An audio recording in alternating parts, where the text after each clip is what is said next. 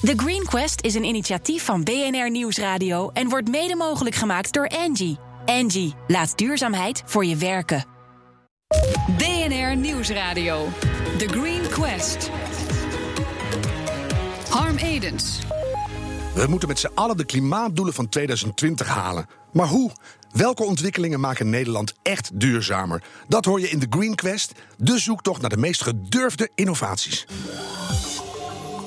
Het Nationaal Duurzaamheidsinstituut, opgericht door onderneemster Kelly Ruigrok, lanceert de Circular Product Database. Deze database verschaft inzicht in de grondstoffen van een product, het productieproces en de afvalverwerkingsmethode. Kelly, als je die drie dingen weet, hè, grondstoffen, productieproces en afvalverwerking, hoe draagt dat bij om in de keten naar een circulaire modus toe te gaan? Nou, wij hebben het Nationaal Duurzaamheidsinstituut opgericht in maart 2017 om concreter met duurzaam ondernemen aan de slag te gaan. Want we hebben met z'n allen inderdaad actie nodig. We hebben een nieuw referentiekader van duurzaam ondernemen nodig, van duurzaam leven nodig. Dus niet alleen bij bedrijven, overheden, maar ook bij consumenten.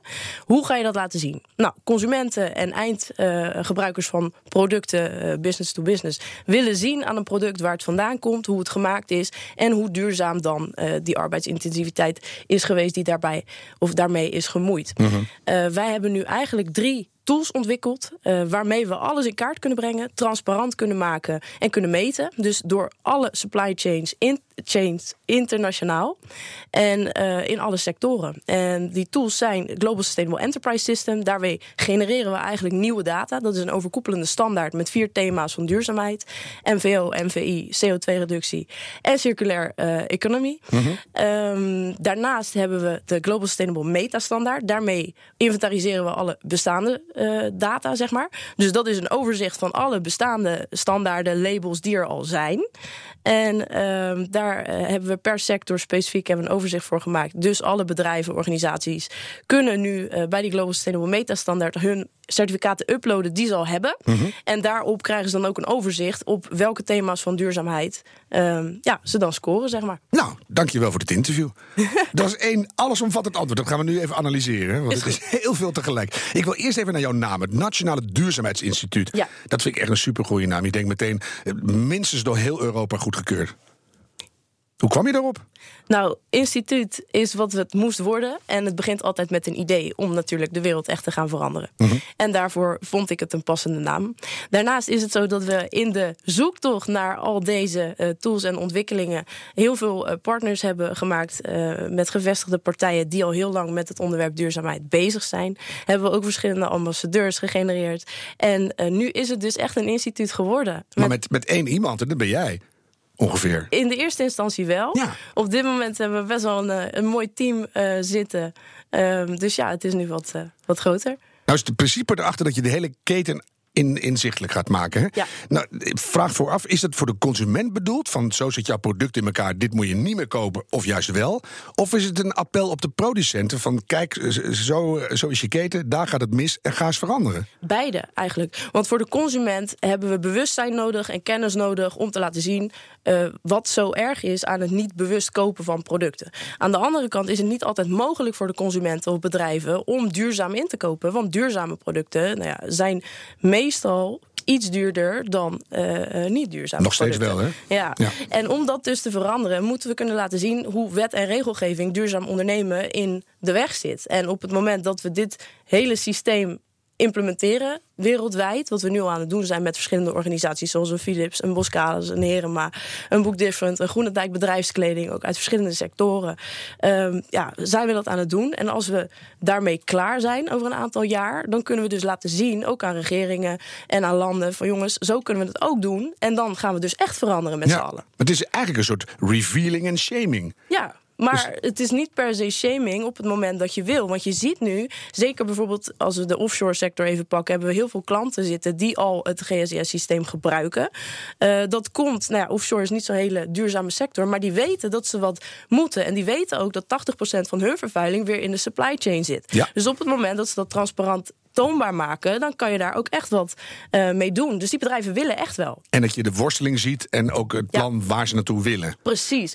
En nou ja, bijvoorbeeld die sector had best wel moeite, of heeft best wel moeite om jong talent aan te trekken, omdat het dan niet duurzaam is, of om weer mee te gaan en relevant te zijn bij handelsmissies. Ja, want Shell is uit de top 10 van de belangrijkste werkgevers gedonderd. Hè? Daar willen jongelui helemaal niet meer per se graag werken. Nee, precies. En wij hebben nou juist de bedrijven als, uh, waar, ja, die het GSS implementeren op organisatieniveau, die dat willen, wel willen, zeg maar. Hoe belangrijk is het voor jou? Want jij bent niet heel oud. Hoe oud ben je? Ik ben 29. Dat is nog tamelijk piep.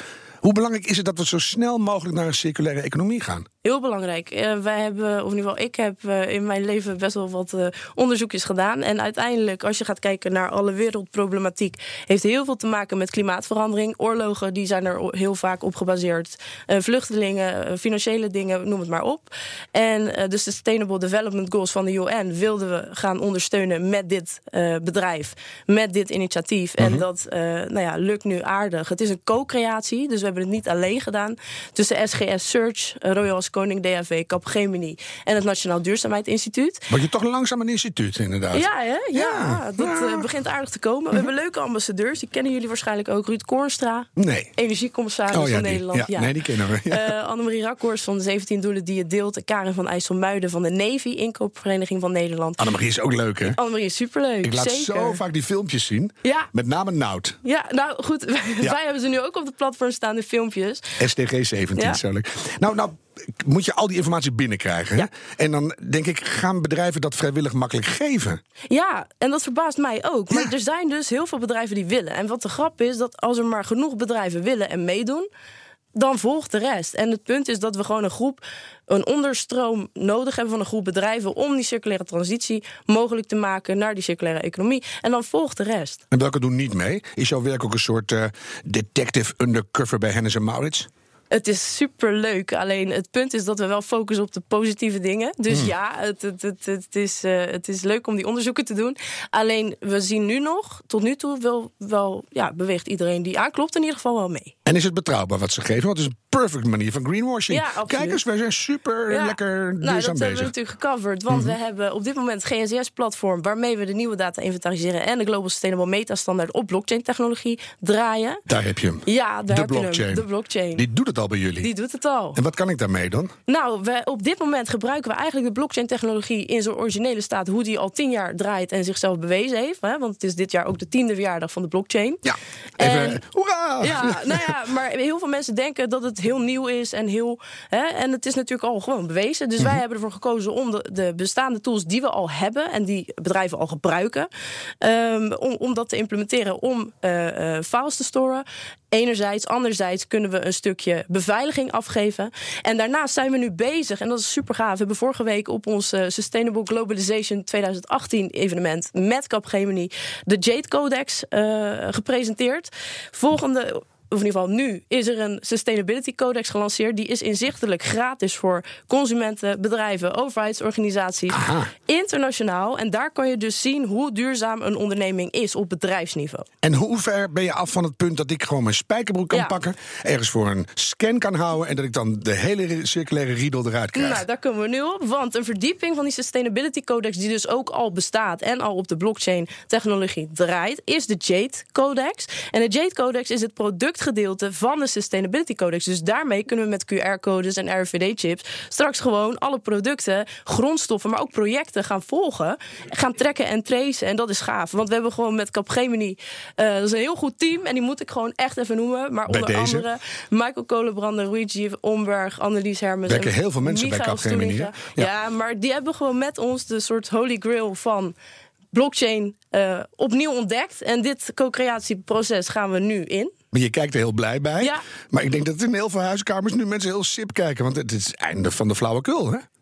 Ja, werd het niet eens tijd? Ik vind van wel. Maar dit- je, je kan je niet meer verschuilen binnenkort. Nee. Je houdt je producten voor en denk je, oh, foute boel. Nee, maar het punt is, en dat is even refererend aan wat ik net zei. Als je dan kijkt naar alle wereldproblematiek, dan kunnen we nu met z'n allen heel veel goede doelen steunen. Maar dan is dit eigenlijk het beste doel wat je zou kunnen ondersteunen: is klimaatverandering terugdringen en die transparantie gaan borgen. En echte verandering bewerkstelligen. Precies. Want En dat zit erachter. Nog één leuk ding. Kijk, een hele grote inspiratie was ook bijvoorbeeld Jamie Oliver. Die heeft de suikertax even voor elkaar gekregen. En daar heeft hij natuurlijk Engeland niet mee veranderd. Maar dat is wel dat je laat zien dat alles kan. Nou, niet meer veranderd. Ze willen er niet meer bij horen. Dankzij Jamie Oliver. Ga jij het redden op eigen kracht of heb je extra hulp nodig van de overheid? Bijvoorbeeld in de vorm van regelgeving? In de vorm van regelgeving. Ja, bedrijven moeten verplicht aan jullie alles transparant aanleveren, bijvoorbeeld. Op het moment dat we het gaan verplichten. ehm, is het niet meer gefocust op willen. En we focussen echt op willen. Dus ja, we spreken met overheid, eh, overheidsinstanties en ministeries. En ja, die zijn zeker enthousiast. Maar op dit moment eh, willen we eigenlijk juist dat het een willen wordt en niet een moeten. En op het moment dat wij ons werk goed doen, dan leggen we een nieuw bewustzijn neer. Wat ook iedereen gaat laten realiseren dat ze moeten, zeg maar. Hè, uit eigen belang. Dus de, de positieve gaan de negatieve eruit duwen. Ja, zeker. En daar focussen we op. En hoe ver ben je, denk je? Nou, we hebben op dit moment eh 96 organisaties die het GSIS-systeem hebben geïmplementeerd. Ehm, nou, die Sustainability Codex die breidt natuurlijk uit, want er komen elke dag nieuwe bedrijven in, gebaseerd op al bestaande certificeringen. En die Jade Codex gaat er zeker komen. Dus ik denk eh, dat wij eh, binnenkort kunnen gaan aankondigen dat we echt kunnen gaan trekken en tracen. Kijk, wij gaan meedoen. Dankjewel, Kelly Ragerok van het Nationaal Duurzaamheidsinstituut. BNR Nieuwsradio. The Green Quest. Welkom met deel 2 van de Green Quest. Elke week kiest ons Green Team uit alle aanmeldingen een bedrijf dat volgens hen het verschil kan maken. En aan het eind van deze zoektocht kiezen we in juni de winnaar van de Green Quest Award. Door middel van een audiofragment maken we kennis met het volgende bedrijf in de Green Gallery. I don't know which one of us looks the worst. I mean, that is hideous. I've never seen such a shocking collection. love this. This is actually very similar to the one I'm wearing at the moment. It's just a casual. It's like having 28 nothing. euro. Really like it. To have it in this like same. Witte leggings, driekwart broeken, sportsokken. We zien behoorlijk wat modeflaters om ons heen. British luxury brand Burberry celebrated a first at London Fashion Week on Monday night. The company debuted its See Now, Buy Now collection. Ik wil uniek zijn, ik wil apart zijn en ik wil niet iets hebben waar iedereen heeft en waar ieder winkeltje verkoopt. De mode-industrie is totaal doorgedraaid. Jolle van der Mast en Daniel Arzutovski van Unrecorded. Is dit een beetje de puinhoop waar jullie uitkomen? uitkomen waar wij. Wat jullie achtergrond is? Nee, bij mij niet. Ik, eh, ik ben eh, begonnen in de olieindustrie. We horen nu Jolle. Ja. Eh, ik heb daar acht jaar gewerkt. Bij een van de grotere. Ehm, niet Nederlands, maar een, een Amerikaan. En ik- na acht jaar dacht ik, ja, dit is, dit is wel genoeg geweest. Ik, eh, ik wil iets anders gaan doen. Toen ben ik niet meteen eh, dit gaan doen. Toen ben ik de big bag industrie ingegaan. Dat is verpakking. En dan eh, die wel te verstaan, die grote 1 bij 1 meter, vierkante meter plastic zakken die je wel eens langs de kant van de weg ziet staan. Ja. Daar eindigde ik verantwoordelijk voor een fabriek in Noord-Engeland. En eh, daar maakten ze die zakken. En dat is eigenlijk een confectiefabriek. Dus daar komt doek binnen, wordt gesneden, genaaid. En dan krijg je zo'n zak eruit. Ja. Ehm, toen was ik dat aan het doen en dat was business to business. Dus wij verkochten veel aan multinationals. En eh, eh, ik vond het best wel onpersoonlijk. En toen dacht ik, ik wil eigenlijk iets meer in de eh, consumentensector iets gaan doen. En toen was ik om me heen aan het kijken. En één ding wat mij verbaasde, dat was ook toevallig... eh, in Noord-Engeland liep ik een Primark in. Ik was er nooit geweest, had er wat over gelezen. Ging naar binnen en toen viel mijn bek echt open. Ik, Ja. eh, Ik dacht, het. dat, dit, is, eh, dit is het einde van de wereld, is dit. Ja. Ik kijk En, even naar Daniel. Want heb, je- heb jij wel een mode-achtergrond? Ja, klopt. Ik heb eh, tien jaar in de kleding gewerkt. ehm, voor verschillende kledingmerken in Nederland, maar ook in het buitenland. En eh, ja, ik heb eh, eigenlijk ook wel in de afgelopen tien jaar best wel een verandering gezien. Ehm, ja, en dat is ook een van de redenen, denk ik, eh, waarom we dachten van moeten we dit doen. Ehm, ik denk voor jou was het een bewuste keuze. Ik wil richting eh, de consumenten. Ik zat er al in en ehm, ja, ik denk dat het eh, heel erg nodig is wat wij doen. En wat was het eerste wat jullie tegen elkaar zeiden? De puinhoop moet ophouden. Of hoe ging dat? Waar kenden jullie elkaar op, Daniel? Nou, we werden elkaar voorgesteld en ik vond het sowieso best wel moedig dat Jolle dit wilde doen. Ja, het is best wel een moeilijke, moeilijke industrie. Er is al heel veel. Ehm, en op gebied van duurzaamheid eigenlijk heel weinig. Ehm, en ik denk dat, eh, ja, dat is denk ik ook de moeilijkheid om daar uiteindelijk iets te doen. ehm, ja, wat een breed publiek bereikt. En dat je een breed publiek ook echt in beweging kunt krijgen. Ja, Jolle, in welke zin is jullie kleding nou in de kern duurzamer dan al die massa-dingen? Een aantal uh, aspecten. Het is hoge kwaliteit. En uiteindelijk, hè, duurzaamheid begint denk ik bij goede kwaliteit. Want iets wat lang meegaat, duurzamer uh, is het niet. Ja. Um, maar daarnaast kijken we ook naar de materialen. Dus waar komen die vandaan? Waar wordt het gemaakt? Hoe wordt het gemaakt? Dus eigenlijk naar de sociale en ecologische aspecten van het materiaal. Mhm. Uh, dan kijken we naar hoe het wordt gemaakt. Dus uh, hoe het doek wordt gemaakt, uh, hoe de kleding wordt gemaakt. Het geverfd en gewassen en alles Precies. eigenlijk. Mhm. Ook nogmaals op sociaal en ecologische aspecten. Ja. Maar ook wat wij belangrijk vinden is het marketingstuk. dus het, het, het moment dat je het product hebt en je gaat het aan de, aan de consument verkopen. Um, daar gaat het ook vaak mis. Ook bij duurzame bedrijven, want die willen van hun spullen afkomen. Ja. En dan gaan ze dingen in aanbieden, komen dan een aanbieding, of je probeert het door iemand strot te duwen. Wij zeggen dat willen wij ook niet. Dus wij bieden het aan voor een bepaalde prijs. Um, onze collectie is ook niet fashionable als het ware. Um, dus het zijn uh, allemaal uh, effe kleuren. Uh, dingen die niet uit de mode gaan. Dat valt ontzettend op. Hè? Als je gaat googlen en je komt jullie op de website, dan zie je echt hele basic dingen. En dan zie je ook van, ja, dit blijft gewoon heel lang de collectie. Exact. Gaan mensen dat heel lang leuk vinden? We voegen wel elke paar maanden wat toe. Mhm. Mm -hmm. um, kledingstukken, maar ook kleuren. Um, alleen wat wij niet hoeven te doen als een kleur, als wij een kleur weghalen, laat het gewoon uitlopen. Ja, ja, ja. Maar kijk niet... toch even naar Daniel, want jij bent de fashion, fashionista van de twee. Mm -hmm. Een, een even merkloos t-shirt en een basic trui zijn nu misschien cool onder hipsters, maar over drie jaar misschien niet meer. Willen we bloemenprins? Um, ja, en als dat zo is, uh, dan zullen er ongetwijfeld een hele hoop merken zijn die dat weer uh, goed doen. Ja. Um, maar ik denk dat, um, ja, dat de klant steeds bewuster wordt uiteindelijk van kwaliteit. En ik denk dat, uh, dat wat wij willen laten zien is een gedeelte wat je op dit moment vrij weinig ziet bij andere merken. Dus hoe dingen gemaakt zijn. Um, en dat is een, hele creatief, uh, een heel creatief proces um, wat eraan vooraf gaat, uh, waar tot nu toe vrij weinig aandacht aan wordt besteed. Maar de kern van mode is dat het in de mode is. En bij jullie is het gewoon altijd hetzelfde als je het heel erg chargeert. En er staat ook niet op dat het unrecorded is, want er is geen merk te zien. Dus het is heel basic. Hoe, hoe blijft dat lang leuk? Ja, nou, ik denk dat wij ook niet uiteindelijk mensen elke week weer naar de winkel willen hebben. Uh, ik denk dat dat het allerbelangrijkste is. Dat mensen uiteindelijk ook beseffen dat als iets goed is, dan gaat het lang mee. En, um, en wanneer je weer wat nodig hebt, wanneer het kapot is, dan kom je weer bij ons terug. Dus ik denk dat het bij ons niet zozeer um, de intentie is om uh, ja, zoveel mogelijk en zo vaak mogelijk mensen dingen te verkopen. En het principe snap ik, maar de, kijk toch even naar Jolle. Hebben jullie onderzocht of dat ook gaat werken? Het werkt nu al. Het werkt nu al. Ja. Dat moet je uitleggen. Um, wat wij het belangrijkst vinden is dat wij uh, niet die 5, wij noemen altijd 5%, 95%, niet die 5% aanspreken die al met duurzaamheid bezig zijn. Wij willen juist die grote groep aanspreken die helemaal niet met, met duurzaamheid bezig is. Die bij wijze van spreken bij de Zara, de H&M en Primark spullen koopt. Mm -hmm. um, daarom lopen wij ook niet te koop met het feit dat wij duurzaam zijn. Wij denken als je echt heb je het helemaal niet over eigenlijk. Als je echt de impact wil hebben, dan moet je die andere mensen moet je over de brug krijgen. Dus ja. wij doen dat op een andere manier door een, een, een mooie winkel uh, in te richten. Door uh, en onze content is, uh, moet inspirerend zijn, mooi zijn. Op die manier willen we mensen binnenhalen. En als ze er dan achter komen dat ze ook nog eens hè, wat duurzaams kopen. Um, dan hebben ze wat karma-punten verdiend. Dan, ja. dan beseffen ze in één keer, oh, het, het, het kan ook. Ik vind het een heerlijk woord, karma-punten. Nou zijn er meer duurzame modemerken. Ik, ik, ik heb wel eens een mud jeans aan. Welke specifieke innovatie is er nu die jullie in de Green Quest naar voren brengen? Waar, waar komen jullie aan mee, mee meedoen? Ik denk dat het eigenlijk uh, op neerkomt wat ik net zei. Dus dat wij eigenlijk proberen een, een, publiek aan te spreken wat niet met duurzaamheid bezig is. Mm -hmm. um, wij doen dat door hoge kwaliteit aan te bieden voor een lagere prijs. Want wij zijn, dat noemen ze in het Amerikaans mooi, direct to consumer. Dus wij slaan een bepaald deel in de keten over. Dus wij verkopen niet aan andere winkels. Wij doen alles zelf, waardoor we het, uh, de prijs laag kunnen houden. Um, daarmee maken we het toegankelijk voor meer mensen.